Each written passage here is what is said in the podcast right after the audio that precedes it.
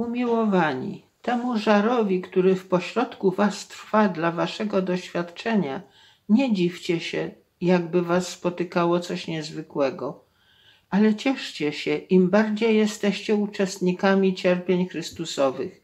Czas bowiem, aby sąd się rozpoczął od domu Bożego.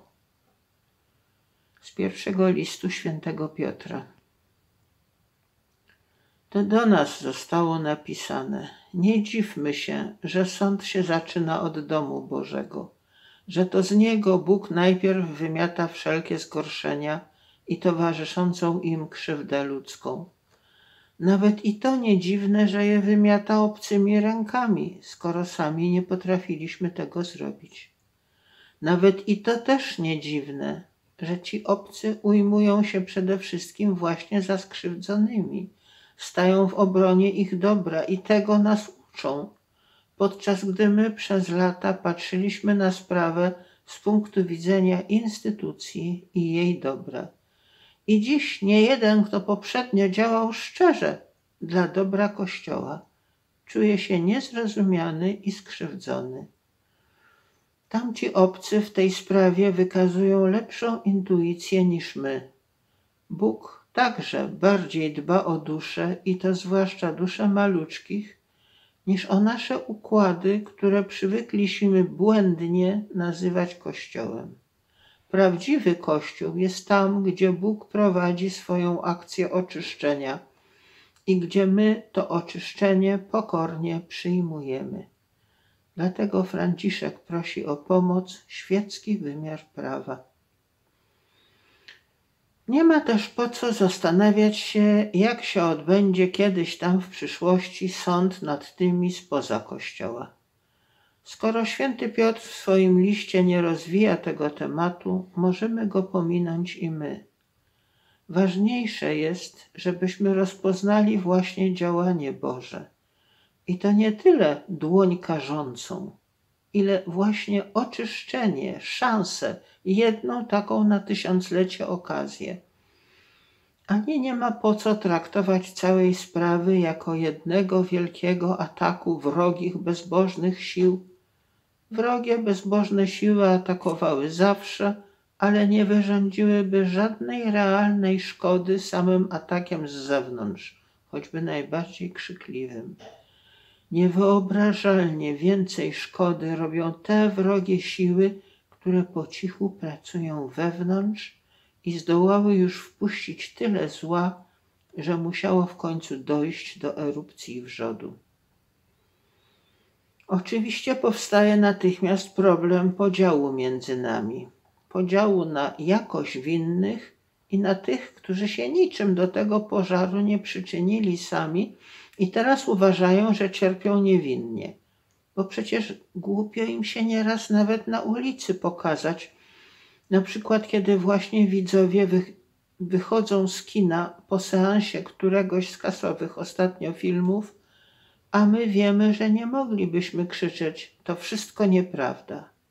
Moglibyśmy owszem krzyczeć, że to tylko część prawdy i że reżyser dokonał wyboru, pokazując wszystko co ciemne, a pomijając co jasne.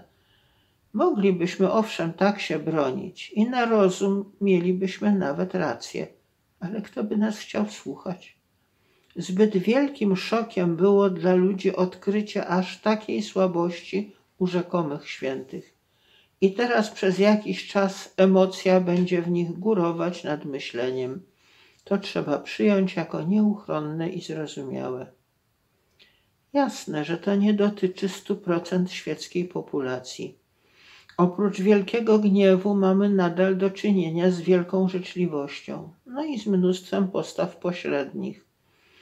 Ale w kontaktach z ludźmi, zwłaszcza przypadkowo spotkanymi, nigdy nie wiadomo na kogo się trafi. I trzeba taktu i spokoju, żeby nie wywołać awantury.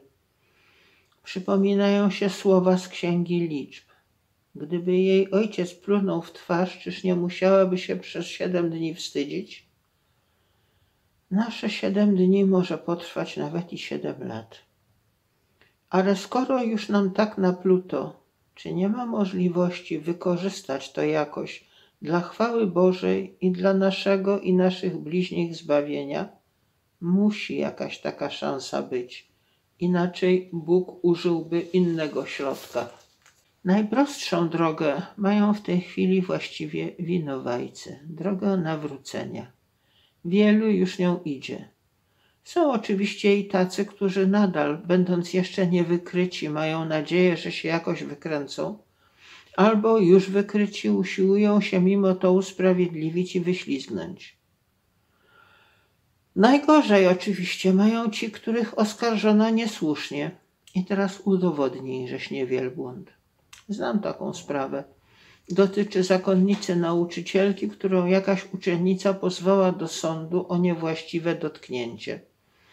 W tej sprawie na szczęście rozstrzygnął monitoring klasowy, po czym sama uczennica ostatecznie przyznała na rozprawie, że rzuciła to oskarżenie ze złości i dlatego, że akurat zaczęła się taka akcja przeciw duchownym. Ale chyba nieczęsto bywa, że kończy się na samym tylko szarpaniu czyjejś opinii i nerwów. Zresztą wszyscy, winowajcy nawróceni czy winowajcy uparci, niesłusznie oskarżeni czy nieoskarżeni i niewinni, wszyscy mamy teraz przed sobą jedną drogę przyjąć ten udział cierpienia, który na każdego z nas przypada i przyjąć błogosławieństwo związane z cierpieniem, z wszelkim cierpieniem, bo i takie, na które się zasłużyło, człowiek nawrócony może ofiarować na chwałę Bożą i wielka wtedy jest z niego radość w Królestwie Niebieskim. A święty Piotr szczególnie pociesza cierpiących niewinnie. Nazywa to błogosławieństwem, zgodnie z nauką samego Pana. I dodaje, że przede wszystkim cierpiący powinni dbać o to, żeby nadal czynić dobrze. W opowieściach ojców pustyni jest historia dwóch braci, którzy jednocześnie zostali skazani na całoroczną pokutę, zamknięci w celach o chlebie i wodzie. I po roku jeden wyszedł osłabiony i drżący, a drugi zdrowy i uśmiechnięty. Okazało się, że ten pierwszy myślał przez cały rok o swojej winie i o straszliwym sądzie, a ten drugi o miłosierdziu Bożym. Wszyscy jesteśmy teraz po trosze na takiej pokucie, a jacy z niej wyjdziemy, to będzie zależało od tego, jaka myśl w nas przez ten czas góruje. Trudno mieć żal do ludzi zszokowanych, że przesadzają i że pchają niewinnych i winnych do jednego worka. Czyż i nam się nie zdarzało postępować podobnie? Kto mieczem wojuje, od miecza ginie tak samo kto wojuje potępianiem. Ale jeśli chcemy zachować myśl o miłosierdziu Bożym nieskażoną, musimy to miłosierdzie mieć także dla naszych oskarżycieli. Napisano przecież miłosierdzie Pana nad wszelkim stworzeniem, a już zwłaszcza nie wolno nam używać nigdy i w żadnych okolicznościach słów obelżywych, ani to chrześcijańskie, ani kulturalne, ani też, jak już nieraz widzieliśmy, skuteczne. Chyba jeszcze żaden winowajca z powodu obelgi nie zaczął rachunku sumienia. Właśnie tym bardziej zaczyna się stawiać, bo wie, że i tamtej stronie coś można zarzucić.